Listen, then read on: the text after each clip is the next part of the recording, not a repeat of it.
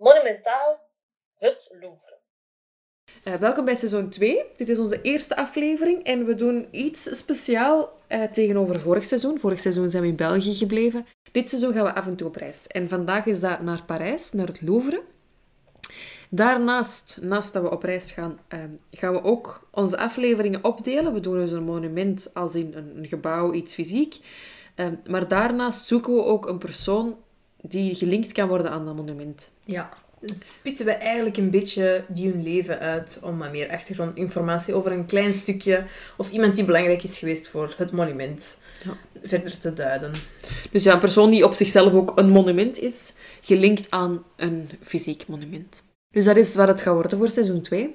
Voilà. Veel luisterplezier. Welkom beste luisteraars bij onze seizoen 2. We beginnen er hier uh, terug helemaal aan. Hè? En vandaag landen we in Parijs. En we vliegen erin. En we zullen eens kijken, als we het Louvre intippen... We landen in Parijs en jij zegt we vliegen erin.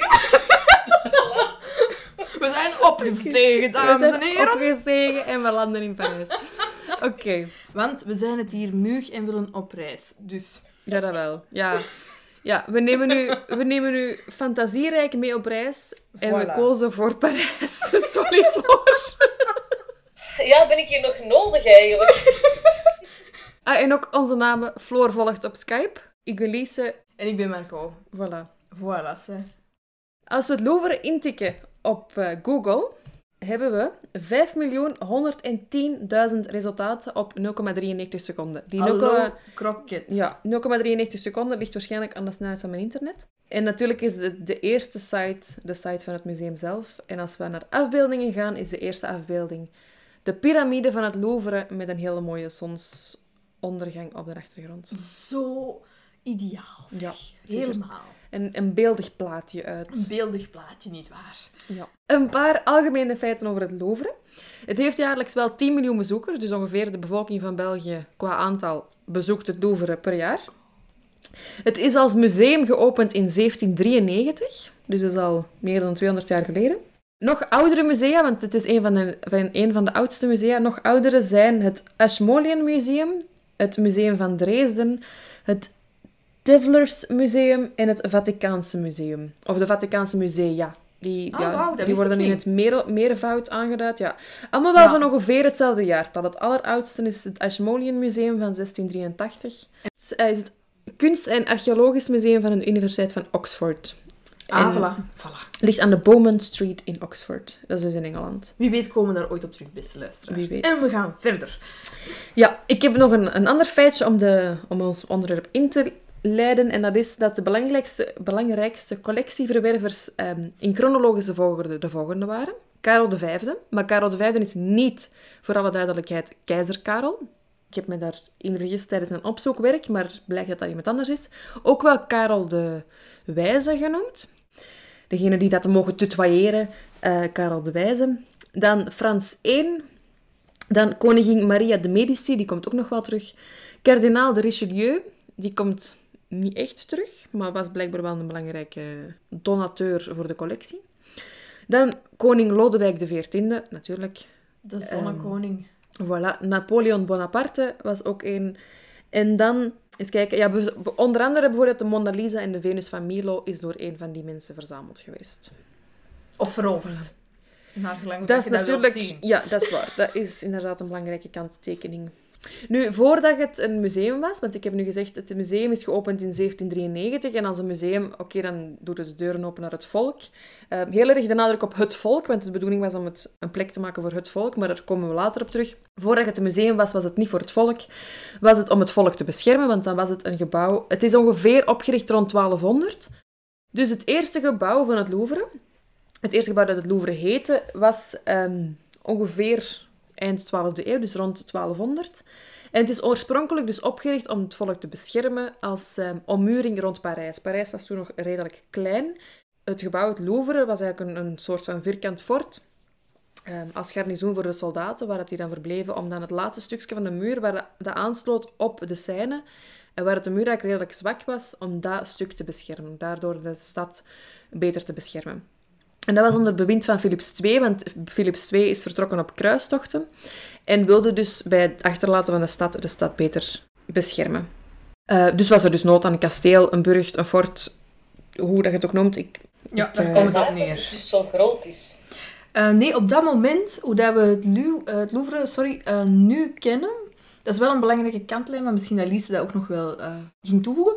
Was dat eigenlijk dat vierkante fort, zoals Lise zei, met een toren in het midden? Ja. Echt een brug. En nog eens een slotgracht rond die toren. Maar echt, ik denk in het hedendaagse Louvre een vierde van wat het nu is.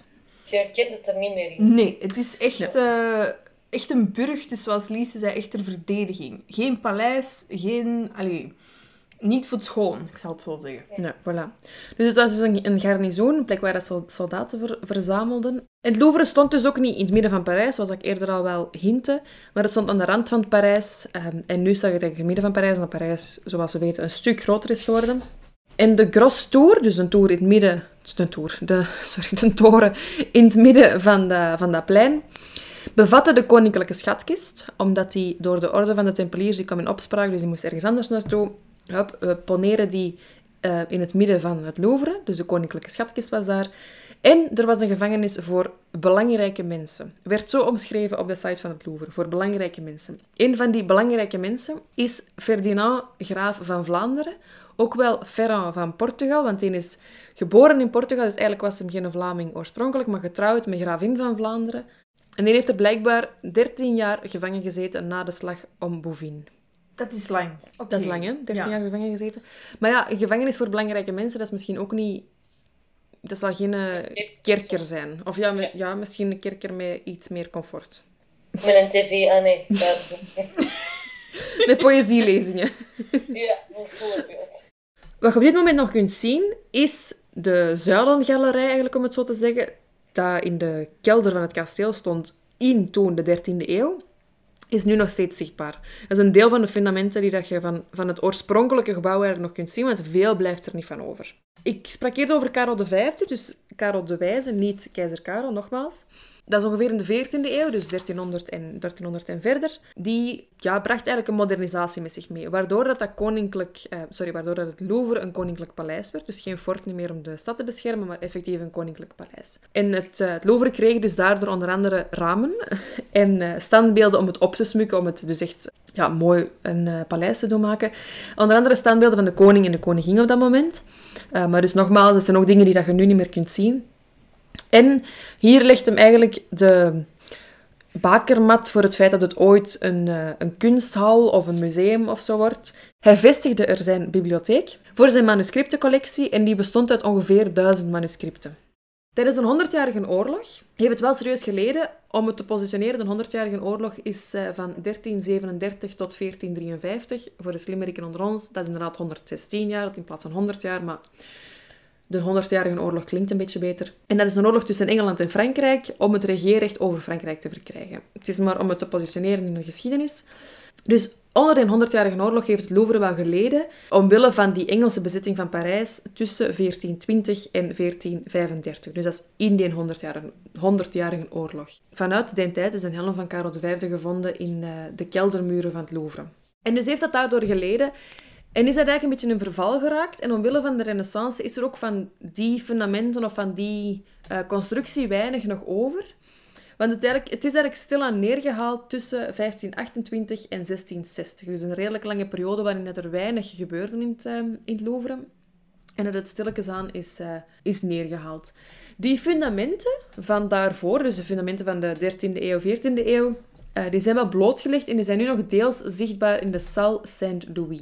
Um, dus dat is hetzelfde waar ik eerder over sprak, dus die, uh, die zuilengalerij die je in de kelder nog ziet. Dus we hebben hier nu gemerkt van oké, onder Karel V is het een residentie geworden voor koningen. Dat is eigenlijk sindsdien redelijk zo gebleven. Niet altijd, niet iedereen heeft er verbleven, maar het werd wel zo de residentie voor koningen. Dus na de 100-jarige oorlog, waardoor ook de koningen gewend werden om buiten Parijs te verblijven, ze verbleven toen voornamelijk in de Loire-vallei, verbleven ze bij een bezoeken in het, in het Louvre. Dus dan werd het een, ja, een buitenverblijf, denk ik eerder. een ehm, stadsverblijf. Ja, of zo. Inderdaad, ja. Het is nu niet tot een boeren buiten, hoewel dat Parijs nog klein was. Maar het was dan mm alleszins een, een, een, extra verblijf, maar niet een hoofdverblijf, omwille van die oorlog. En dan tijdens het bewind van François I, dus dat is um, een andere koning. Dus dat is ongeveer in de 16e eeuw. En François I is de vader van Henry II, of Hendrik II. Dus onder het bewind van François I, ongeveer in de 16e eeuw, die wilde de hoofdstad opnieuw in Parijs vestigen. En ook zijn hoofdverblijfplaats hier vestigen. Dus hier nogmaals, dus nadat Karel V het uh, wat in ere heeft hersteld, het Louvre, doet François I dat opnieuw. En op het einde van François I zijn machtstermijn is het opnieuw ja, aan het opbouwen geweest. Zijn ze opnieuw aan het opbouwen geweest aan het Louvre. Maar voornamelijk onder het bewind van Hendrik II is het ja, vervolledigd. De plannen dus van François I zijn voornamelijk vervolledigd onder Hendrik II. En de reconstructie van het Louvre is begonnen in de westelijke vleugel, waar ook de koninklijke verblijven waren. Maar Pierre Lescaut was hiervoor een architect en haalde inspiratie uit Rome. En de gevel van die westelijke vleugel, waarin dat de koninklijke paleizen zaten, bevatte een portret van Hendrik II. Hendrik II was koning van de oorlog, economische vooruitgang en bewaker van de wetenschappen. Dus onder zijn bewind ja, floreerde Parijs en, en Frankrijk ook wel opnieuw na die oorlog heeft er echt wel de Frankrijk uitgesleurd mee. Uh, en die wordt ook een beetje gelijkaardig afgebeeld op dat portret als keizer Augustus. Al zien, het is een afstammeling van keizer Augustus. En de vrouw van Hendrik II, Catharina de Medici, dus helemaal in het begin naar gerefereerd als iemand van de belangrijke um, verzamelaars van de kunst die nu nog in het Louvre te zien is. Um, die moest de staf van Hendrik II overnemen nadat Hendrik II is gedood in een toernooi. Ik heb al gezegd, het is de koning van de oorlog, dus hij was waarschijnlijk niet vies van geweld. Hij is gedood in, in een toernooi in de godsdienstoorlog tussen de katholieken en de protestanten. En Catharina de Medici wou ook ja, haar eigen stempel eigenlijk drukken op het Louvre, waardoor dat zij ook de Tuileries heeft opgericht. Ik denk dat je dat zo moet uitspreken. De Tuileries, ja. De Tuileries, ja. denk ik. Geschreven Tuileries. En zij heeft dat opgericht tijdens de godsdienstoorlog, ongeveer rond 1564. En die Tuileries is een, ehm, ik ga ja, eigenlijk een extra paleis, ook aan de kant van de Seine. Uh, dat stelselmatig na de dood van Catharina de Medici is uitgebreid, totdat het aansloot op het Louvre. Dat was uh, de opzet. Om eigenlijk... Ah, is dat apart in Ja. Klopt, het was eerst apart. Het werd aan elkaar wat gelinkt door heel veel tuinen. Uh, maar stelselmatig is het ook met ja, gebouwen of een, een gang gelinkt aan het Louvre. Ja. Zo krijg je natuurlijk wel een groot gebouw. Hè. dat ja, vandaar. Voilà. Uh, dus de gigantische afmetingen op deze moment is echt met ja. aparte stukjes zijn die samengesmolten zijn. Ik dat je daar een beetje mee kunt vergelijken. Dat, die tweeërie die zijn wel nu ook weer niet meer helemaal te zien, want die zijn afgebrand in 1870 door de Paris Commune. Uh, een revolutie van tien dagen lang waar ik straks ook nog even op terugkom, maar ik maak even nu de kanttekening. Uh, er was een revolutie van tien dagen, maar die is de kop ingerukt, maar die hebben wel de kans genomen om de Tuilerieën te kunnen afbranden. Om eigenlijk hun um, ja, protest te tonen tegen de macht. En dus heel veel van die Tuilerieën is, is verloren gegaan. Wat er nog gered kon worden van die Tuilerieën, is nu tentoongesteld in het Louvre. Bijvoorbeeld ook de tuinen, die zijn nog wel hersteld naar uh, hoe dat ze er toen uitzagen. Maar ook weer hier afbraakwerken en opbraak, um, opbouwwerken. In 1572 was Louvre de plek van de Bartholomeusnacht, ook wel de bloedbruiloft genoemd. En dat is een huwelijk tussen een koning en een zus van de koning, namelijk Henry de Navarre en uh, koningin Margarethe van Frankrijk. Maar gewoon een kop. Zus? Ja, nee, oh nee, dat is een manier van spreken. Dus een koning en een zus van een andere koning. Ah, oké. Ik dacht even, beste luisteraar, dat we het hier hadden van... En hij is vrolijk met zijn zus getrouwd en het volk vond het niet oké. Okay. Nee, nee. Dat wil ik dus niet zeggen. Dus het Louvre was de plek van de Bartholomeusnacht of de bloedbruiloft. Dat is een huwelijk tussen een bepaalde koning en de zus van een andere koning. En dat huwelijk moest eigenlijk proberen, dat, zijn, dat was... Um, de ene kant was protestant, aan de andere kant was katholiek, was eigenlijk de bedoeling om de godsdienstoorlogen te stoppen. Nu, dat is niet gelukt. Rond en op die nacht zijn er 20.000 mensen vermoord, oh voornamelijk protestanten. Ja. Dus ja, dat heeft niet mogen zijn. En dan gaan we eigenlijk voort naar Hendrik IV. Dus we hadden het over Hendrik II, Catharina de Medici, die dat dan leefde terwijl het een bloedbruiloft er was. En dan gaan we ineens over naar Henry, Henry IV, of Hendrik IV als ik mijn opzoekwerk deed. En ik dacht, ja, er is geen Hendrik III. Er is wel een Hendrik III geweest en die heeft zelfs mee die bloedbruiloft bekokstoofd. Maar er is heel weinig over terug te vinden. Dus het volgende belangrijke is eigenlijk onder koning Hendrik IV. Uh, ik snap ook niet, ik heb dat tegen u al gezegd, maar gewoon, waarom dat ze hem allemaal blijven optellen in plaats van wat creatiever te worden in namen. Ja, het is dat, dat zou ik ook denken. Heel verwarrend. Heel verwarrend. En onder de koning van Hendrik IV die is dus verder gegaan met de twee paleizen aan elkaar te kunnen verbinden. En dat werd de Grande Galerie. En die Grande Galerie tussen de twee paleizen was bijna een halve kilometer lang. Dus ja, redelijk bombastische paleizen inderdaad. Even als zijnoot, beste luisteraar, voorstellen. Als je dus als bediende wordt gevraagd om de koffie te brengen van A naar B. Hè? Dus ik hou tegen dat gaan komt. Ja. In die Grande Galerie was het benedendeel had plek voor heel veel kunstenaars van allerlei slag en stand. Uh, maar ook bijvoorbeeld mensen die dat schreven, dus dichters of schrijvers of mensen die teksten wilden bestuderen. Dus ook weer hier de voorloping van, of de voorloper van het museum, het Louvre. Aan de andere kant van die hal was er een collectie van de beelden van de koning. Dus niet van de koning in persoon, niet allemaal bustes, maar zijn beeldhouwwerkcollectie. En dus die dingen samen maakten er ook weer voor dat Louvre een plek werd waar kunst zich kon ontwikkelen. En om die, dat hele paleizencomplex waar te kunnen maken, dat is een heel plan geweest dat doorheen de geschiedenis een paar keer is meegegaan. En dat heette het Grand Design. Of Grand Design. Dus ik denk als Grand Design of in Nederlands groot ontwerp. Uh, het idee was ook wel... Ergens kennen we de Fransen ook wel op die manier om het grootste paleizencomplex van Europa te maken. Dus dat was de bedoeling. En om dat te kunnen doen, moest een groot deel van de stad weg. Want ja, de Louvre, de koning leeft daar, dus de urbanisatie gaat natuurlijk wel snel. Maar met Parijs hebben ze dat nog een keer gedaan. Het Haussmann... Um, ja. Het Haussmann-plan heeft hetzelfde gedaan. Gewoon knal heel die urbanisatie met de grond gelijk gemaakt. En we poten hier een, uh, een paleis neer. Um, Tof voor de bevolking, met andere woorden. Ja. Nu, dat deel van het Grand Design is nog niet uitgevoerd toen Hendrik IV stierf, maar dat is verder gezet door Lodewijk XIII. En Lodewijk XIII is de zoon van Hendrik IV. Nu, die wilde daar heel graag aan verder werken, maar die werd ook tegengewerkt omdat de economie ja, heel, heel zwaar te lijden had onder de 30-jarige oorlog. Nu, nogthans is dat deels wel gelukt om verschillende vleugels te gaan onderscheiden en dat is ontworpen door architect Le Mercier. En er is bijvoorbeeld een paviljoen dat gedecoreerd is geworden met kariatiden. En kariatiden zijn vrouwvormige pilaren om een, uh, een dak te ondersteunen of een koepel te ondersteunen. Nu dat ik deze nog zeg, even nog toelichten. We zitten nu aan het uh, begin van de 17e eeuw. Dus er is al heel veel tijd voorbij gegaan. Er is al heel veel gebeurd. Voornamelijk wat er is gebeurd is dus dat plan, dat Grand Design, op poten zetten en proberen van daaraan te kunnen werken. En dat is dus die verbinding tussen die twee paleizen. Onder Lodewijk XIV, zowat de bekendste koning van Frankrijk, denk ik, is er weinig gebeurd. Uh, die verbleef niet vaak in Parijs. Die zat altijd in Versailles. Die was ook niet per se gesteld op het Louvre. Het is niet dat hij er niks aan moest hebben, maar dat was nu niet per se um, zijn ding. Nu, de minister van hem en een architect, die hebben wel verder gewerkt aan dat Grand Design onder um, Lodewijk XIV zijn bewind.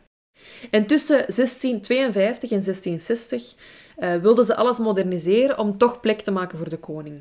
Um, voor de koning en zijn moeder zelfs. Maar opnieuw ook hier weer, een brand in 1661 zorgde ervoor dat de koningsgalerijen moesten geherdecoreerd worden. Dus herinner u eraan, die gangen, die verbinding tussen de twee paleizen met dan plek voor de koning. Die een anderhalve kilometer of een halve kilometer? Een halve kilometer. Net niet zo lang, een halve kilometer. Inderdaad. Um, in die werken is er ook uh, gepoogd om het noordelijke deel van het paleis is men beginnen werken om de schouwburg te maken. Nu, Lodewijk XIV was wel fan van theater, dus hij wou er graag plek voor theater. Um, en dat is ingehuldigd in 1662. En dat was een heel vernieuwende manier van theater maken, omdat er gebruik werd gemaakt van verschillende machines. Dus dat was een heel mechanisme achter de schermen om alles, alle decors te doen vallen, acteurs uit de lucht te doen komen uh, en van alles en nog wat. En dat werd daardoor ook de salle des machines genoemd. Nu, desondanks al het werk dat erin is gestoken, is er eigenlijk heel weinig theater in gemaakt, omdat dat niet handig was voor gewone optredens. Dat moest heel groot zijn om daar te kunnen tentoongesteld worden, of om daar te kunnen worden opgevoerd. Ehm, dus het is na 1671 ook niet meer gebruikt. Natuurlijk, als heel uw hof constant in Versailles zit, De grote producties zullen waarschijnlijk opgevoerd zijn voor de koning zelf, al dan niet het hof of heel de entourage daarvan. Bij gevolg, als die daar bijna niet zijn, ja, 1 en 1 is 2. Ja, ook al. Inderdaad, als je dan al theater hebt voor de lagere klasse, niet de lage klasse, maar de lagere klasse dan de koning, ja, die... Je moet volk bijeen krijgen om, om zo'n zot tentoonstelling, een zotte opvoering te doen. Hè. Dat kost geld. Allee, voilà. Tijdens de verlichting, dus nu zitten we weer nog een beetje later. Tijdens de verlichting is Louvre dus opnieuw, het, het is al uh, de bakermat geweest voor kunst en cultuur en wetenschap, maar ook opnieuw tijdens de verlichting. En de Franse Academie is dan toen gehuisvest, gehuisvest in het Louvre. En ook de Academie van de Letteren en de Wijsbegeerte, denk ik. In het Frans heet het de Académie des Inscriptions et des Belles Lettres. Ik denk dat je dat kunt vertalen naar Letteren en Wijsbegeerte. Eh, de Academie van Wetenschap, Architectuur, Schilderkunst en die van Beeldhouwkunst. Dus alles wat je maar kunt bedenken, mee onder de vleugels van het Louvre. Gezondheid. Gezondheid, Floor. Dan heeft Lodewijk XV er geleefd, evenals Marie-Antoinette. En die verschillende scholen die ik eerder opnoemde, die hebben regelmatig eigenlijk exposities georganiseerd. Waardoor dat er uh, ja, bekendheid kwam eigenlijk over, van het Louvre ook in het, uh, in het bredere volk. Ja, dus er kwam ook bekendheid in het Louvre voor het bredere volk. En er werd ook voorgesteld om de Koninklijke Bibliotheek er nogmaals in onder te brengen. Dus niet die bibliotheek van Karel V. Evenals een uh, opera, een koninklijke kunstcollectie. Waardoor het ook, doordat alles daaronder werd gebracht, museum werd genoemd. Het werd nog altijd niet opengesteld voor het publiek. Dat is een beetje later nog. En dat is uh, niet meer heel veel later, maar een klein beetje later werd het opengesteld voor het publiek. Tijdens de Franse Revolutie, in juli en oktober van 1789, verbleef de regering in Parijs. En toen verbleef het uh, Franse regime, vanaf toen verbleef elk Franse regime in de Tuileries-paleis uh, tot 1870. Onder andere ook Lodewijk XVI. Dus eigenlijk hebben zij een toon gezet om eigenlijk de regering te vestigen in uh, het Louvre. Dus nogmaals tot 1870. Dan tijdens de Franse Revolutie, dus ik zei eerder, het uh, museum opende voor uh, het grotere publiek. Dat is kort na de Franse Revolutie. Um, in, op 10 augustus 1793 ging het voor de eerste keer open voor publiek. Wel enkel eerst op zondag, zodat er tijd was doorheen de week en op zaterdag, zodat iedereen, elke kunstenaar, elke wetenschapper zich kon verdiepen in, uh, in hun vak. Maar het, de bedoeling was, dus ja, Franse Revolutie, de macht van het volk, om um, kunst en cultuur en wetenschap bereikbaar te maken voor het volk en uit de handen van de tirannen die ze tot dan toe hadden gekend. En ook die studies gingen daardoor ook wel wat meer naar de achtergrond. Het was meer het tentoonstellen en het, het beschikbaar maken dan dat er een focus lag op die academies. Er werd heel veel gerenoveerd om alles toegankelijker te maken en simpeler te maken uh, en toegankelijker voor het publiek. En er werd ook heel veel kunst naar het Louvre um, ja, verscheept of, of vervoerd. Um, en dat kreeg veel aandacht in de pers, want het argument was om kunst dat niet in Parijs was gemaakt, moest ook niet in Parijs tentoongesteld worden, volgens velen. Nu, dat argument is niet echt stand, hij heeft niet echt stand gehouden. Want de bedoeling was ook wel om die kunstwerken die er dan waren, um, de andere kunstenaars die konden beginnen kopiëren. Dus opnieuw die, ja, het, de ambachten leren. Um, dus heel veel kunst is naar Parijs vervoerd, naar het Louvre. Onder Napoleon I, Napoleon Bonaparte, is het Louvre nog meer uitgebreid, waar mogelijk. Blijven, we blijven uitdijnen. Blijven uitdijnen, inderdaad. En ook nog meer als museum dan als school. Dus um, kunstenaars en instituten werden dan ook gemeren. Het werd echt als een museum gezien. Architecten Percier en Fontaine die hebben een aantal plannen afgewerkt van Lodewijk XIV. En die bleven geïnspireerd door de renaissance. Onder Napoleon III, dat is de kleinneef van Napoleon I, die is uh, aangetreden in 1848 en die heeft uh, geregeerd tot 1870. En die heeft de nadruk gelegd op het recht om te werken. En die had een plan georganiseerd om het Louvre te restaureren, zodat er ook meer volk kon werken. En die maakte ook het paleis van het volk, van het Louvre. Hij heeft het ook mogelijk gemaakt om doorheen de week het Louvre te kunnen bezoeken. En ook Napoleon III wilde dat Grand Design afwerken. Herinnert u dat Grand Design is dat plan om het grootste paleizencomplex van Europa te maken? En de structuur van de beide delen, de Tuileries en het Louvre, waren klaar in 1857. En dat is nu um, Cour Napoleon, waar de bekende piramides staan, is ook naar hem vernoemd. Doorheen de jaren zijn er nog verschillende architecten geweest die daaraan hebben gewerkt, aan het, uh, aan het Louvre en de Tuileries. Maar uh, ik sprak eerder over een brand in 1871, die komt dus nu op de proppen. Uh, een groot deel van de Tuileries voornamelijk is afgebrand in 1871, mei 1871, door de commune van Parijs. Um, en die commune van Parijs heeft te maken met de onrust na de overgave van Frankrijk in de Frans-Duitse oorlog. Dat is weer nog eens een andere oorlog dan dat we al hebben besproken. En Frankrijk had eigenlijk zich overgegeven aan Duitsland en heeft dat in de Frans-Duitse oorlog Elsass-Lotharingen afgegeven. Um, en de commune van Parijs kon daar niet, um, kon dat niet verkroppen en heeft eigenlijk een opstand gehouden van tien dagen waarbij dat ze de Tuileries hebben afgebrand. In 1883 zijn die ruïnes van die brand volledig opgeruimd. Dus ook daarvan is er heel weinig nog, uh, nog terug te zien in het, in, het, uh, in het Louvre. En twee paviljoenen zijn wel weer heropgebouwd, maar heel weinig is gerestaureerd zoals het was. Dus uh, een aantal dingen zijn op, heropgebouwd die dat je nu ook nog kunt zien. Maar het is niet meer wat het was um, voor de brand van 1871.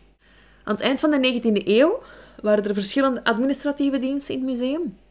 Dus was het museumdeel Ehm, eigenlijk in onbruik geraakt. En er was ook heel weinig geld um, voor het Louvre. Om, en andere delen van Europa ja, kwamen ook in, um, in opmars om aandacht te besteden aan kunst. En er kwam dus concurrentie. en dan was er ook nog eens het schandaal dat er... We zijn nu aan het eind van de 19e eeuw, dus het is, niet meer lang totdat we hier en dag zijn. Was er ook nog eens het schandaal dat er, uh, het museum had een tiara van Saita Famous gekocht die bleek vals te zijn. Echt compleet vals. Zelfs geen namaak, het verhaal erachter was vals, het, het was volledig vals. En dat werd voorgedaan als een, als een kunstwerk dat uh, was opgegraven van iets van een paar eeuwen voor Christus. Maar dat was eigenlijk recent gemaakt. En nu is dat nog wel te zien in de afdeling van uh, fake kunst. Oh, grappig. Ja, dus ze, hebben daar... Ja. ja. ze hebben dat bijgehouden. En ze hebben daar blijkbaar een afdeling waar er nog een aantal... In het Louvre, ja, waar er nog een aantal valse kunstwerken staan. Kort daarna, een stuk of 15 jaar daarna, in 1911, is de Mona Lisa gestolen uit het Louvre. Op een zeer ja, stoeme manier eigenlijk. Er was een medewerker die dat van de muur heeft gehaald, onder zijn jas heeft gestoken, zich met schilderijen al in een uh, kast heeft verstopt. Nee. En dan is buiten gewandeld met de Mona Lisa. ja, Mona Lisa is ook niet zo'n heel groot schilderij, dus dat is op zich... Het is, het is ja, doenbaar. En twee jaar later is dan de Mona Lisa's teruggevonden, omdat uh, hij wou dat proberen verkopen en dan is dat toch ontdekt dat dat het, uh, het gestolen schilderij was. Dan uh, heb ik nog een paar dingen te vertellen. Tijdens de Eerste Wereldoorlog is er heel veel van de collectie naar het zuiden van Frankrijk verhuisd. In het interbellum heeft het Louvre elektriciteit gekregen en waardoor het ook s'avonds open kwam. Waardoor het ook s'avonds open kon. En de indeling van het museum is toen ook logischer gemaakt. Um, waardoor je ook niet meer binnen en buiten moest lopen, maar alles was toe, uh, waardoor je gemakkelijker binnen kon lopen. En dus werd ook de eerste glazen koepel gezet. Tijdens de Tweede Wereldoorlog uh, lagen die werken dus opnieuw stil, dus van, uh, van, van de koepel van te maken en van het meer publiek toegankelijk te maken. Maar dan verbleef een deel van het Duitse leger in het Louvre en die hebben er ook Joodse kunstcollecties ondergebracht. Door, hun, door die Duitsers hun aanwezigheid in het Louvre is er wel, ja, waren de mensen wel mee met wat de Duitse plannen waren. Nu waarschijnlijk niet tot op de, tot op de millimeter. Maar dat gaf ook Frankrijk wel een, um, een goede positie om die dingen te kunnen afluisteren. Uh, de piramides, die dat zo herkenbaar zijn aan het Louvre, die zijn toegevoegd in 1989 door een architect die heet Ming Pai. En sinds 1993 is Louvre een publiek instituut geworden. Met eigen bestuur. Um, en het heeft daarnaast ook een annex in uh, Lens, dus een uh, Louvre Lensmuseum. En er is een Louvre Abu Dhabi. Och, hè. Ja, had ik ook nog gevonden. Het trekt er niet echt op. Uh, waarschijnlijk qua bouwstijl wel, maar het is niet dat dat ook piramides heeft, bijvoorbeeld. Uh, maar er is een Louvre uh, in Abu Dhabi sinds 2017. Och, grappig. Ja. Maar dat is toch lang, hè? Voordat dat echt onafhankelijk werd, 1993, is nog niet belachelijk lang geleden. Hè? Nee, dat is inderdaad niet zo lang geleden. Ah, ja, dat toch zo lang nog onder de staat ja, ja. Toch heeft gefunctioneerd. Voilà, en zo zijn we rond met een korte geschiedenis een kort door de bochten geschiedenis van het Louvre. Kijk, Maar ik denk dat de highlights wel gemeld zijn. Dat denk ik zeker. En mensen, het is echt een super lange geschiedenis. Je kunt het, als je het helemaal in detail wilt doen, denk ik dat je daar tien afleveringen mee kunt vullen. Dus uh, dankjewel Lise, kijk hoe geschetst. Dus ik associeer dat gebouw voornamelijk eigenlijk uh, als een museum. Maar ik ben door heel dit opzoekingswerk maar pas te weten gekomen dat dat eigenlijk bijna 900 jaar oud is. Wat dat best... Dat, dat ja, dat is gigantisch. Dus ehm, ja, ik vond, er is echt heel veel over te vinden. Nu, zoals al gezegd is geweest, ik denk bijna elke koning van Frankrijk heeft daarin gewoond, geleefd. De keizer Napoleon Bonaparte, refereer ik hier even naar. Ook bepaalde regeringen, op sommige momenten wel, op sommige momenten niet. Dus met dat dat zo'n lange geschiedenis heeft en zoveel koningen erin hebben gezeten, uh, zou ik eigenlijk gewoon... Ik wil er twee van verder toelichten. Gewoon omdat ik personen uiterst interessant vind ja, eigenlijk mijn oog viel voornamelijk... Ah, mijn oog, mijn opzoek oog. Viel, viel voornamelijk op dus degene het heeft opgericht, Philippe Augustus II. En Karel V van Frankrijk, waar Lise het ook al over heeft gehad, omdat dat eigenlijk de eerste is die daar een collectie van boeken en handschriften in heeft ondergebracht, waardoor die associatie met museum een beetje is ontstaan. Die de Wijze? De Wijze, inderdaad. Karel V de Wijze. Maar we beginnen bij het allerbegin bij Philip August. Bijnaam van hem was August de Tweede. Ook naar Augustus de keizer in Rome. Ik weet ook niet hoe waarom dat daar meerdere koningen naar vernoemd zijn. Ja, dat is toch precies wel een... Maar dat e- blijft hangen. Zo wel een evenbeeld. Ja, dat is toch een, een, uh, ja, een, een ideaal type. Een ideaal, ja. En dus tijdens de regering van Philippe Augustus II uh, werd Parijs voor het eerst, dat wist ik ook niet, uh, de hoofdstad van Frankrijk. Hiervoor was dat eigenlijk niet het geval. Was dat, ik weet niet of dat, dat eigenlijk helemaal bepaald was, want Frankrijk, hoe dat we dat nu kennen, ja, ik denk de eerste koning ruwweg genomen is Clovis. En dan spreken we over het jaar 600 poeh, en een klets, dus de 7e eeuw. We spreken dan over de 7e eeuw. Maar wat dat toen Frankrijk was, ja, dat is ook een beetje gelijk hier in België, eigenlijk overal in Europa, een uiteenvalling van verschillende stammen. En uiteindelijk wordt dat samengebracht, de Franken, hè, Frankrijk, logisch. En dus vanaf toen is er een hoofd geweest, maar zelfs dan is dat nog niet per se koning van Frankrijk. Ik dat koning der Franken meer de term was. Als overkoepelend ja, statuut. Nu, Philippe Auguste maakt dus van, uh, van Parijs de hoofdstad van Frankrijk. En Philippe Auguste is zelf geboren te Parijs in 1165 en hij is gestorven in 1223 in Mantes-la-Jolie beetje verder, maar niet heel veel verder.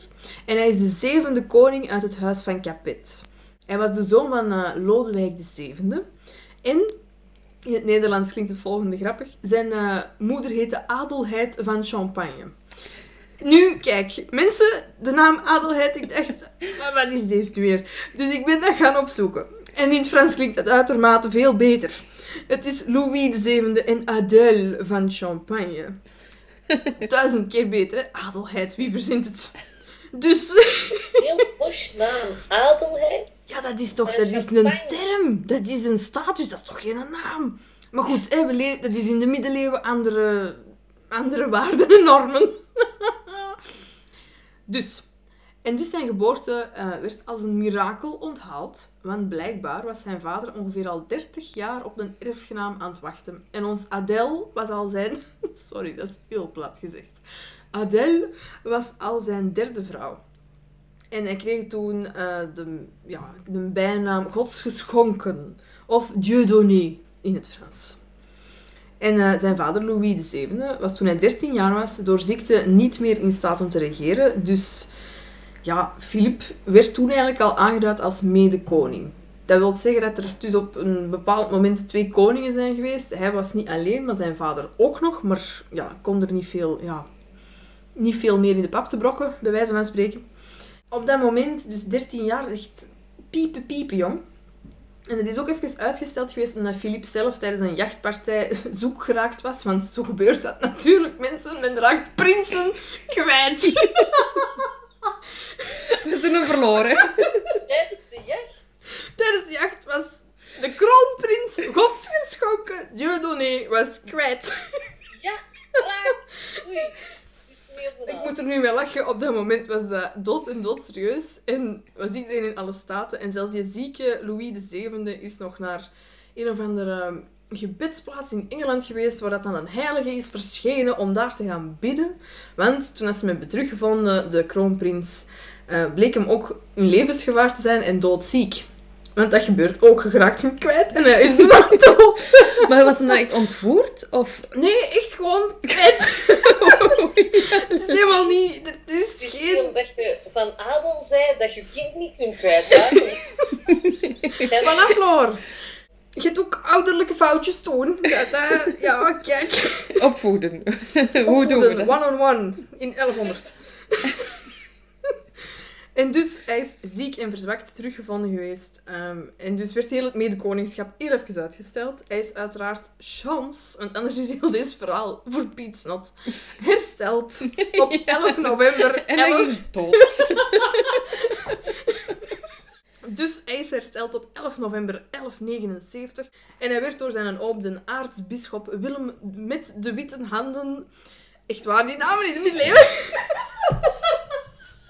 en dus, hij is dus gekroond tot medekoning, dames en heren, te Rijms. Gezalfd en al. Fantastisch.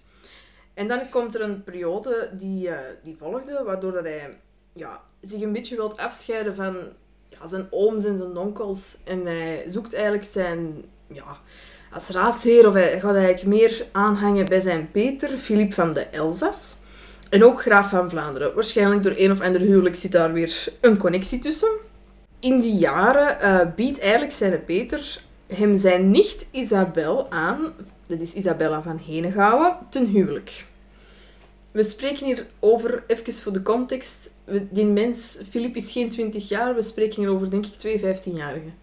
Dus ja, dat kon allemaal, of dat, ja, dat was de gewoonte. Zeker bij de adel, denk ik dan. Um, en op 28 april 1180 uh, werd het huwelijk gezegend door de bisschop Roger van Laon. En als bruidschat bracht Isabel het graafschap Artesië met zich mee, waaronder ook een stuk Vlaanderen, dat zat er ook in. En op 29 mei 1180 werd Isabelle in de abdij van Saint-Denis te Parijs tot koningin van Frankrijk gekroond. Dus Philippe zijn liefdesleven eindigt niet met ons Isabel. Jammer genoeg voor Isabel.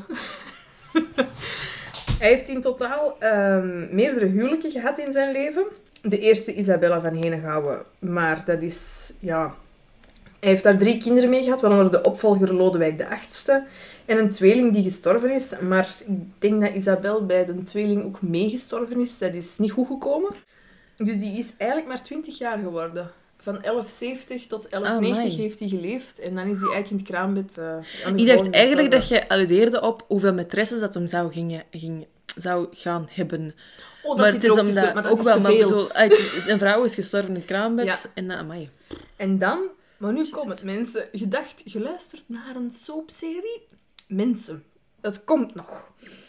Dan hij zoekt de Engelse, zoals Liesen al verteld heeft, de Engelse en de Franse. Het loopt niet denderend. Nog steeds niet, hè? Nog steeds niet.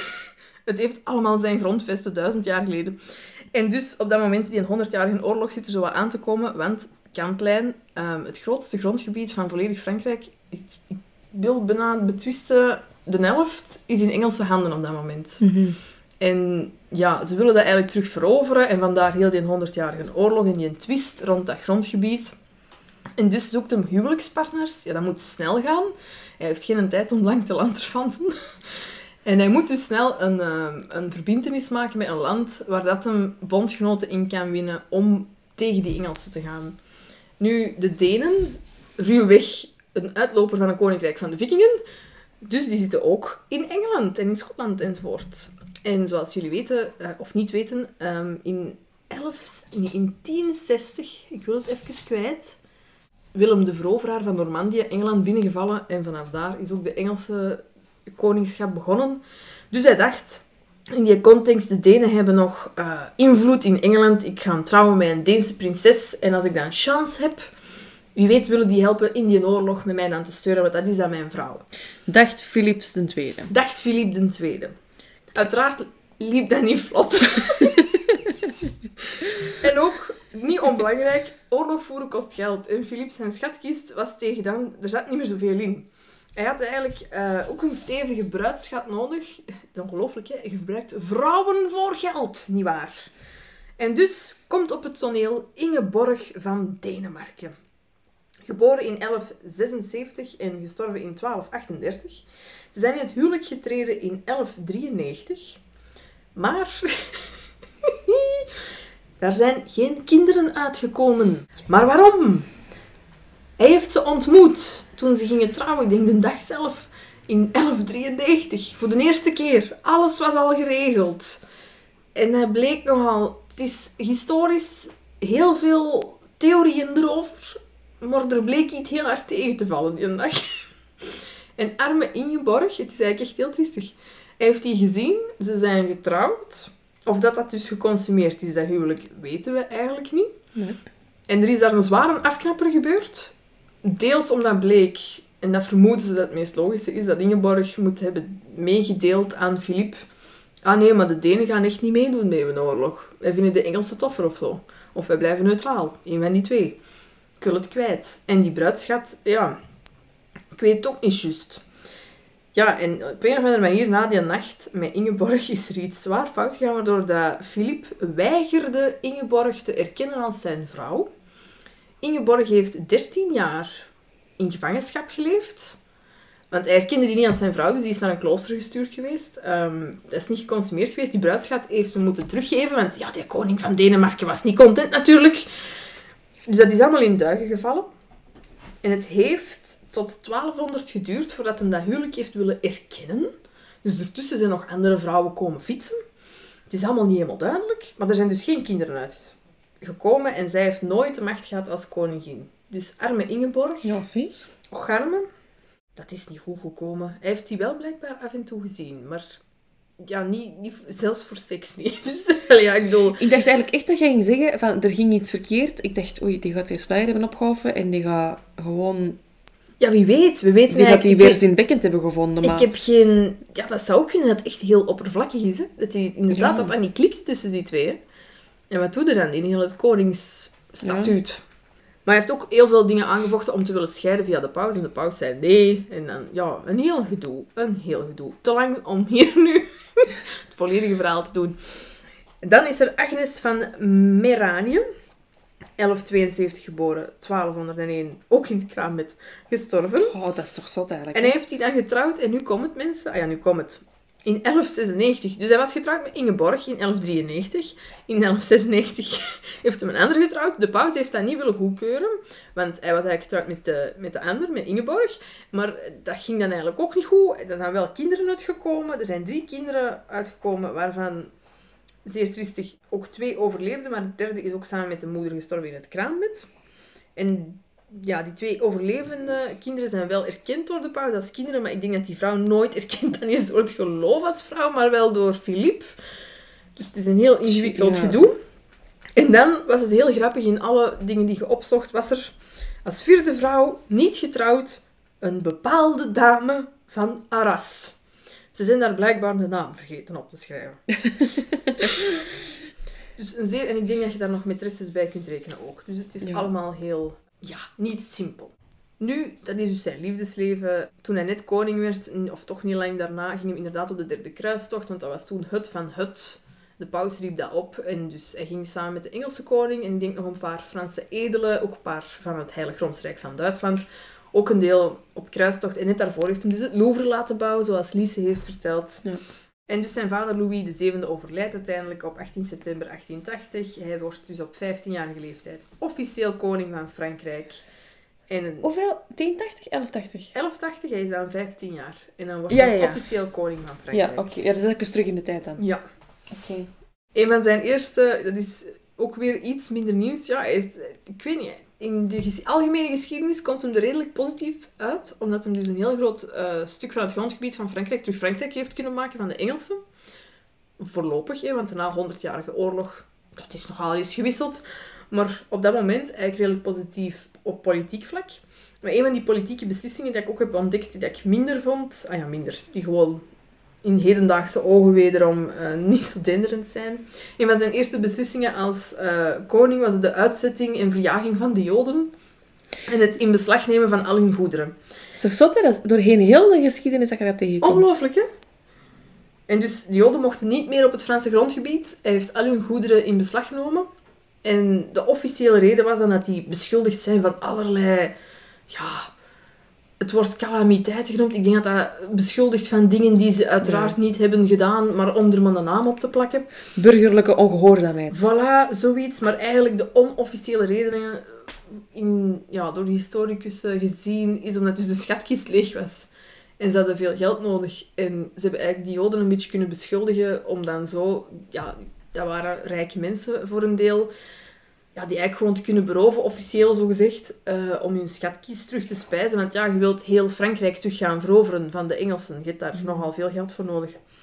De achterpoortjes van de stad. Ja, en voornamelijk ook omdat ze toen onder zijn bewind voor de eerste keren... Ah ja, het zal nogal wel gebeurd zijn, maar dat dat regelmatig gebeurde, dat ze voor het leger huurlingen inhuurden kost natuurlijk dat kost geld.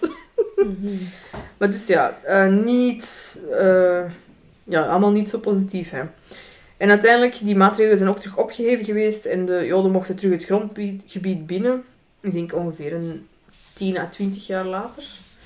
Dus heel maf. Heel maf. En nu komen we even terug naar, uh, naar Parijs, naar de hoofdstad. En hij heeft eigenlijk voornamelijk gezorgd dus met het Louvre te bouwen en zijn ommuring voor hem op kruistocht uh, vertrok voor de verdere ontwikkeling van die stad en ook voor de verdediging. En op die manier is die stad begonnen met in de middeleeuwen echt uit te breiden en te vergroten. En die heeft op een gegeven punt, denk ik zelfs op een dikke 20 à 30 jaar, is dat van 25.000 inwoners naar 50.000 inwoners gegaan. Dus dat is eigenlijk redelijk snel gegaan. En daar is hem ook heel gekend voor. Hij heeft onder andere in 1181 de Foire Saint-Lazare, dat was de algemene markten, en die bevonden zich rond Parijs, in de dorpen en in de voorsteden. En hij heeft dat eigenlijk naar het centrum van Parijs gehaald. Ehm, en die markten heeft hem daar een overdekking voor gemaakt. Of hallen eigenlijk voor laten bouwen voor de nieuwe markt, uh, om deze gezonder te maken en ja, iets meer regels, zodat het allemaal wat beter verliep. Waarschijnlijk ook om belastingen te heffen, ze mensen. We gaan daar eerlijk in zijn. Maar de initiële insteek was om het gezonder en uh, geregelder te maken, zodat een handel daar meer door kon bloeien. Dan heeft hem ook de Parijs zijn voornaamste straten laten plaveien. Dus in plaats van grond en zand werd dat dan steen. Hij heeft het kerkhof van de Saint-Innocent uh, gedraineerd, geniveleerd en een ringmuur voorzien. Gedraineerd, dat moet wel heel vies zijn geweest, hè? Ik ben heel blij dat ik daar niet bij was. Ze hebben me niet gevraagd, maar ik ben ook blij dat ik er niet bij was. Geen toffe job. Boah. Maar ja, ik kan me voorstellen dat het nodig was. Ik heb dat ook, we hebben dat in vorige, in seizoen 1, beste mensen, bij de aflevering van het Schoonse Hof, hebben we dat gezien. Ja, het liep over op den duur, hè. Mhm. En dan hebben ze ook in 1194, hebben ze eerste keer, ja, eerste keer, het zal nog wel zijn gebeurd, de archieven van het, uh, van het Koninkrijk zijn ze even verloren geraakt. Wat had die kwijtgeraken? Het is ongelooflijk. Dus ze zijn... Heel de Ongelooflijk, hè? Dus ze zijn het Koninklijke Archief kwijtgeraakt bij de slag van Fritteval aan Richard Leeuwenhard van Engeland. Uh, dus Filip moest die opnieuw laten samenstellen, want dat is een beetje lastig als je nu je papierassen niet in orde hebt, nietwaar? En dus heeft hij beslist dat er vanaf dan een permanent exemplaar in Parijs moest zijn. Dat bevond zich ook in het Louvre. Sindsdien is de bureaucratie ontstaan. Dan in 1200 het Koninklijke Charter stichtte de Universiteit van Parijs. Wel heel belangrijk, want dat is sindsdien altijd daar geweest.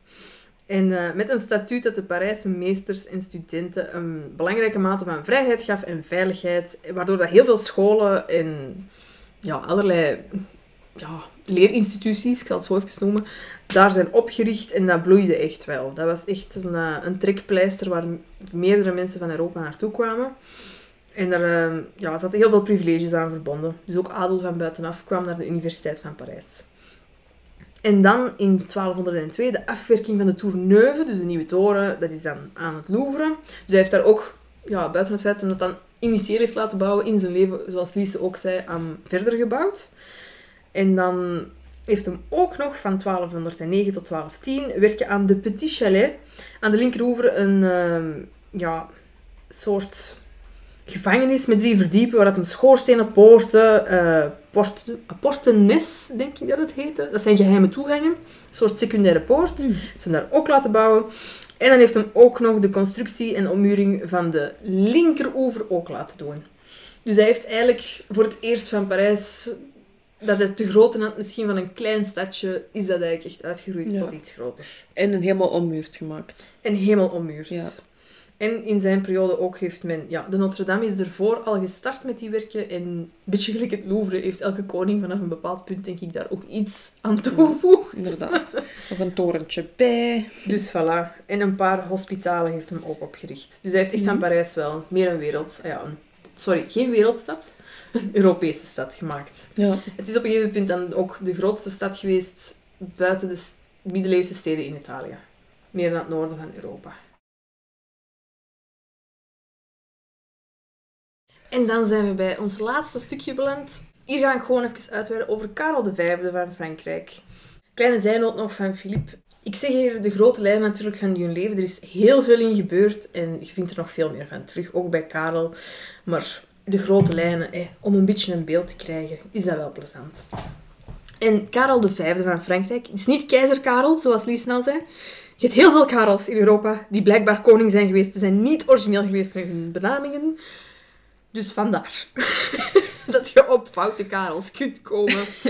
Moest je er zelf achter gaan zoeken. Dus Karel V van Frankrijk, of Charles V van Frankrijk, uh, is geboren op 28 januari 1338 te Vincennes en gestorven op 16 september 1380. Hij is maar 42 jaar geworden. Maar dat is misschien een beetje de standaard middeleeuwse leeftijd, dat wil ik nu kwijt. Ja, ik heb ook eens gehoord dat dat een misvatting is. Zou kunnen dat, Ik denk nu wel, voor mensen in de adel en zo, en, en, en ridders en weet ik wat nog allemaal, die gingen wel dood op het slagveld. Uh, maar blijkbaar is de leeftijd zo laag van middeleeuwse levensverwachting, omdat er kei veel kindersterfte was. Ah, dat het gemiddelde zich zo ja. natuurlijk naar het midden. Ja. Niet per se. Ik denk ook wel veel sterfte in het kraambed. Maar eens dat je dan voorbij die risico's waart, eens dat je voorbij zes jaar bijvoorbeeld waart en voorbij, de, als je ja. beviel voorbij je kraamleeftijd, dat je dan ook even, misschien geen 80, maar wel 60 of 70 kon worden. Ah, voilà, kijk. Maar hij is dus maar 42 geworden. En zijn bijnaam was dus de Wijze, zoals we al vernoemd hebben. En hij was koning van Frankrijk van 1364 tot zijn dood in 1380. En hij was de eerstgeboren zoon van Jan II van Frankrijk en Bon van Luxemburg. En zijn moeder en grootmoeder zijn langs vaderkant, uh, ja, dus de grootmoeder langs vaderskant, uh, zijn beide niet oud geworden, want die zijn in de Zwarte Dood uh, in 1349 gestorven. En de meeste mensen zullen die data wel kennen. De Zwarte Dood heeft in Europa, ik denk van 1340 tot 49 of zoiets. Een dikke vijf jaar, denk ik, heeft die ja, geluwd. Um, Wanneer was het vaccin Nooit. Dat was mede het probleem. Maar wel grappig, uh, ah ja, zijnood mensen. In deze coronatijden, als je dat leest, lees je dat met een andere blik. Er waren ook restricties met op hoeveel mensen dat je mocht zien. Serieus? Tijdens de pest? Och. Ah, bubbels. Ja, er waren bubbels. Er waren pestbubbels. op de pesten, zeg. Ja, ja, er werd echt op gelet. Eens dat ze hem, ja, ze hem door De halve stad was dood. Ze hadden hem door. Maar dus ja, er werd toch... Tja, tja. tja, tja. Prinsen kwijt, iedereen dood. maar doen we toch verkeerd. Nee, nee, maar dit gaat... Ja, ik vond dat wel frappant. Ze hadden dus ook echt een soort van pandemieregels. Dat uh, was wel redelijk grappig om te lezen. Nu, vroeger zouden we dat niet zo lezen. Na 2020 een heel ander verhaal. Qua mhm. interpretatie. En op... Uh, ja, dus die zijn gestorven in 1349. Zijn moeder en grootmoeder heeft hij eigenlijk niet heel lang gekend. Dus op 8 april 1350 trouwt hij te Tain-l'Hermitage met zijn nicht. Altijd die nichten. Oh, dat is toch wel echt... Johanna van Bourbon. Ja, het is zelfs zo, het is niet gewoon verre, verre achternicht. Het is redelijk dichtbij achternicht. Dus ze moesten van de paus een akkoord bekomen voor dit huwelijk. Omdat hij echt de rechtstreekse achterneef was van Johanna. Dus je weet dat je fout zit. Oh, pa. Ja, dat is blijkbaar echt de gewoonte. We hebben dat er juist ook gezien bij Philippe, die ook met zijn nicht is getrouwd. Heel het nicht- en achterneef gedoe um, is waarschijnlijk ook de oorzaak van de psychische problemen van de volgende koning, Karel VI of Charles VI, zijn opvolger en zoon. En dat alle andere kinderen uit dat huwelijk ook een heel zwakke gezondheid hebben. En ja, de meesten hebben het gewoon niet overleefd. Punt. Aan de lijn. Dus ja, de link lag er precies nog niet. Dus voor zijn koningschap was hij ook al regent geweest van Frankrijk toen zijn vader in gevangenschap in Engeland zat. Ehm, dus midden in een honderdjarige oorlog was dat een beetje over en weer tussen de grondgebieden van die twee. Um, en hij zelf heeft daar ook nog mee in gevochten. Ja, of uh, slagen in klappen, klappen, klappen uitgedeeld. Voilà. En dus in deze periode moest hij zelf Frankrijk leiden. Hij was toen ook helemaal nog niet oud. Um, en hij heeft hem onder andere wel... Want hij wordt dus de wijze genoemd. Die mens heeft eigenlijk, heb ik de indruk, toch wel uh, een redelijk goede indruk nagelaten. Dus uh, Karel V moest in deze periode dan ook een... Uh, hij heeft daar wel ervaring aan opgedaan. Hij moest een algemene opstand bedwingen na oneenigheid tussen hem en de burgerij. Uh, hemzelf dan als regent. En dat had te maken met oorlogsbelastingen. Natuurlijk, 100-jarige oorlog, het kost geld. De, het publiek zal niet blij, het volk, sorry, zal niet blij zijn geweest met nog meer belastingen op hun, ja, op al dat ze verdienen in hun leven. Um, en plus, daarbij komt dan ook nog dat Edouard van Engeland, het is altijd tussen de twee, ondernam dan ook nog eens zijn derde invasie in Frankrijk. En deze werd onder de leiding van Karel V met de tactiek van verschroeide aarde en verschansing in steden een mislukking voor Edward van Engeland. En uh, hij eindigde in 1360 met, zware, met, sorry, met Zwarte Maandag voor Edward van Engeland. Een zware maandag? Ja, zwart, sorry, Zwarte Maandag. en hij uh, is gestrand, de Engelse koning, voor de muren van Chartres. En het verdrag van Brittany is toen ondertekend geweest. Dus hij regeerde eigenlijk al mee voordat hij officieel echt koning werd. En toen hij effectief werd vanaf 1364, wist hij, ja, moet ik zeggen, het staatsgezag wat uit te breiden of dat een beetje te herstellen. Want ja, zoals gehoord met een opstand ervoor. En, ja, het was allemaal niet gemakkelijk. En met die oorlog er overal tussen en langs. En dus heeft hij ervoor gezorgd dat hij... Hoe dat hij dat nu exact doet, ik denk dat je dat in boeken in detail in politieke strategieën kunt lezen. Dat laat ik nu even links liggen, want ja, zoals gezegd, we kunnen hier afleveringen en afleveringen over doorgaan. Voilà. Hij weet dat te herstellen, dat staatsapparaat en heel dat gezag en die status. En dan voornamelijk op fiscaal gebied. En dan in die periode uh, werd ook het Franse, het militair potentieel en heel die militair stelsel werd eigenlijk uitgebreid. Uh, waardoor dat hem, haha, zich volledig terug kon laten gaan in die 100-jarige oorlog natuurlijk. Want waarom niet? Maar dat maakt wel dat ik denk tegen het einde van, ehm, ja, van zijn regeerperiode dat je wel al op de kaart lichtelijk de vorm van Frankrijk vandaag ziet. Niet helemaal, niet elk gebied, maar hij heeft daar wel, ah ja, toch wel winst geboekt, zal ik zeggen. En hij nam natuurlijk, uh, zoals gezegd, hij is niet zo heel oud geworden en hij was lichamelijk nooit heel sterk. Dus hij nam niet zelf actief deel aan die oorlogen. Het was eh, de wijze meer iemand van het kopje.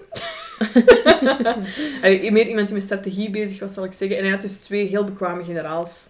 Um, Bertrand du Guesclin en Olivier de Clisson, die dat eigenlijk voornamelijk voor hem deden. En dus heeft hij op twaalf jaar tijd een heel groot stuk van het verloren stuk van Frankrijk heroverd. En nu kom ik even terug. We hebben al gezegd, hij heeft dus die bibliotheek.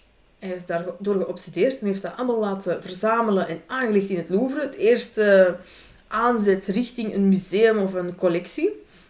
En hij was dus een hele wijze en geletterde vorst. En hij liet heel zijn beleid ook heel vaak inspireren door de Griekse oudheden en filosofen, voornamelijk Aristoteles en Politica. En uh, het ligt het voorbeeld van, hebben we ook al vernoemd, Lodewijk de Heilige of Louis ja, Le Saint daar heeft hem ook heel veel van zijn regering op gebaseerd. Dat was ook iemand die heel hmm. hoog in aanzien stond nadat hij gestorven is. Maar één klein detail. Natuurlijk, het kon niet anders. hij hield van pracht en praal. En dus, ja, dat die bevolking niet zo content was met die belastingen die stegen, ik kan het snappen, want het is bekend dat die mens veel meer uitgaf dan dat hem eigenlijk had als koning. Mhm. Aan heel veel bouwen van kastelen en paleizen. En dus onder andere het Louvre uitbreiden tot iets heel pittoresk en een koningsvorstenwoning. Geen burcht meer. Die heeft daar heel veel geld in gestoken. En buiten dat ook nog um, in wacht, hè, Vincennes, hij heeft de Bastille, de beroemde, het beroemde gevangenis, toen nog kasteel, die in de Franse revolutie tot door het volk is de legende helemaal met de hand is afgebroken. Die heeft hij laten bouwen toen. En natuurlijk het Louvre dan vergroten. En hij hield er ook heel veel van om voor die grote bibliotheek uh, heel zeldzame boekwerken, en in die tijd het meeste is met de hand gekopieerd en geschreven, dus vergulde manuscripten aan te kopen allemaal niet goedkoop. Hè. Allemaal niet goedkoop. Hè. Maar chance dat het heeft gedaan, want nu hebben we het daar wel liggen. Kijk. En dat heette dan de Bibliothèque Royale. Ja, en hij had er, ik denk op het einde van zijn leven had hem 1200 manuscripten in totaal. En in 73, dus 1373, um, was er ook iemand verantwoordelijk voor die dat moest verzorgen en tellen enzovoort. En had hem er al 973. Dus dat was echt wel iets heel actief waar dat hij mee bezig was. Ja, inderdaad. En ja, hij is eigenlijk gestorven aan een slepende ziekte. Dat wordt niet vernoemd wat juist, maar hij is op 42-jarige leeftijd dan gestorven. En wat ik nog interessant had te melden van het Louvre zelf, was dat de architect Raymond du Temple heeft ervoor gezorgd dat dat dus mee uitgebreid is met pittoreske schouwen overal, waterspuurs, zoals Lise zei, beelden van de koning en de koningin, een tuin, een menagerie. En er is echt van alles bijgekomen. En dan had ik nog een paar weetjes gewoon over de Bibliotheek Nationaal. Het is een van de rijkste bibliotheken ter wereld, dus ook een van de oudste. En het heeft zowel koninklijke als keizerlijke status gehad. Um, het heeft zich heel lang in het Louvre, in de Richelieu-huis of ah, ja, stuk in het Louvre, heeft zich daar bevonden. Uh, het is ondertussen wel verhuisd naar... Wacht even kijken. Het is verschillende keren verhuisd. Zoals Lies ook al zei, het is niet constant in het Louvre geweest.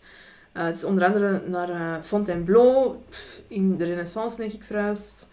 Um, en op dit moment bevindt het zich eigenlijk verderop op de Seine, aan de linkeroever op de Quai François de Mauriac. Het is een collectie met op dit moment 12 afdelingen. Gedrukte werken, handschriften, dus die oude handschriften. Printen, kaarten, plattegronden, muziek, medailles, munten en oudheden. Wat er met oudheden bedoeld wordt exact, dat laat ik in midden. Stond er nu niet bij. Misschien reliquieën of zo. Dat zou kunnen. Maar ik zou dan denken dat ze die in het Louvre hebben gelaten, maar ja. Ook al. Ja. Dus voilà. En als laatste heb ik bij Filip heel zijn huwelijksgeschiedenis uit de doeken gedaan. Hier is het minder spannend. Ook een beetje tragisch, maar minder spannend. Hij heeft dus eigenlijk maar één huwelijk gehad. Dus ik veronderstel dat hij eigenlijk wel gewerkt heeft tussen Johanna van Bourbon en uh, Karel de, de Vijfde. En ze is eigenlijk twee jaar voor hem gestorven. Dus dat is eigenlijk niet heel lang daarvoor. Uh, en ze hebben acht kinderen gehad. En dit is dus het triestig stukje. Ja, er zijn er maar twee van overleefd. Al de rest is voor het eerste jaar, dus echt hetzelfde jaar dat ze geboren zijn gestorven, al dan niet net na de geboorte. Een paar die een jaar oud of twee jaar oud zijn geworden. En eentje, Catharina, de, ja, de jongste, het laatst geboren, is tien jaar geworden. Ze hebben die ook uitgehuwelijkt, maar dat is niet geconsumeerd geweest. En daarvoor was ze ook al dood. En de enige die overleefd hebben, is dus de troonopvolger, Karel VI. Ja. Een heel zwakke koning, ook met heel veel psychische problemen. Ja, zoals vernoemd duidelijk waarom. En Lodewijk I van Orléans. En die zijn wel tot die 1400 enzovoort. Ah ja, die hebben wel even geleefd. Die zijn volwassen kunnen worden. Voilà, die zijn uh, volwassen en semi... Ja, middle age, denk ik. Ja, maar dan wel met hun psychische problemen omwille van hun ouders. Ja, ja, ja. Maar, maar dus dat voilà. Echt kinderen en maar twee die leven, dat is wel heel erg. Heel erg, hè? Ja. Wauw, ja, ik had daar toch van verschoten. Ik wist dat er kinderstrift was in de middeleeuwen, maar dat is toch echt... En dat is adel, het koninklijke verzorging. Ja, dat is, hè. Dus dat is, ja, en oké, okay, dus genetisch zit het niet mee, hè, dus wie weet zit de oorzaak daar natuurlijk wel. Het is dat, alsnog, denk ik. Dus bij deze, en dat zijn maar twee koningen, mensen, van de volledige garde aan Franse koningen die daar mhm. langs en rond hebben geleefd. En die de gangen van het Louvre hebben bewandeld. En de kilometers en de kilometers en de kilometers van gangen. Ja, inderdaad. Hebben doorgejogd. dus voilà. Hoe lang moet je nu weer... Allee, als je alles wilt zien, hoe lang zeggen ze dan dat je er moet zijn? Een week minstens, denk ik. Dat heb ik toch altijd gehoord. Als je het volledige museum echt, maar echt niet gewoon langs gewandeld, maar je wilt gezien hebben, dan heb je een week nodig. Ja. Ik zou daar niet van verschieten, maar ik zou het niet weten. Ik vond het interessant. Ik schrok van hoeveel het er te vinden is. Ja, ik ook. Maar um, ja, we hebben de spits van seizoen 2 afgebeten. Inderdaad. En nu, Floor, is het aan u? Ooit beschermde jouw muren bewegend verleden. Van jonkvrouwen tot heren die zich als koning verkleden. Filip liep er rond en Karel de Wijze. Hij liet allerlei kunst naar zijn paleisje reizen. Door dat gat in zijn hand zag je een prachtige buit. En dat komt ons nu nog altijd goed uit. Een museum stampvol kunst en verhalen. Neem er een plannetje bij. Je kan er verdwalen. Voilà. Mooi, merci Floor. Ja, ja. dankjewel. Kijk hoe. We zijn rond. Voilà. Als je nog steeds luistert, beste luisteraar, proficiat. Het Louvre was een hele boterham. Inderdaad. Je kan ons ook volgen op Instagram, at Monumentaal Podcast. En als er iets is dat je ons zou willen schrijven of gewoon zou willen mededelen, kan je ons mailen at monumentaalpodcast.gmail.com monumentaalpodcast.gmail.com Bedankt om te luisteren. Tot de volgende. Salut!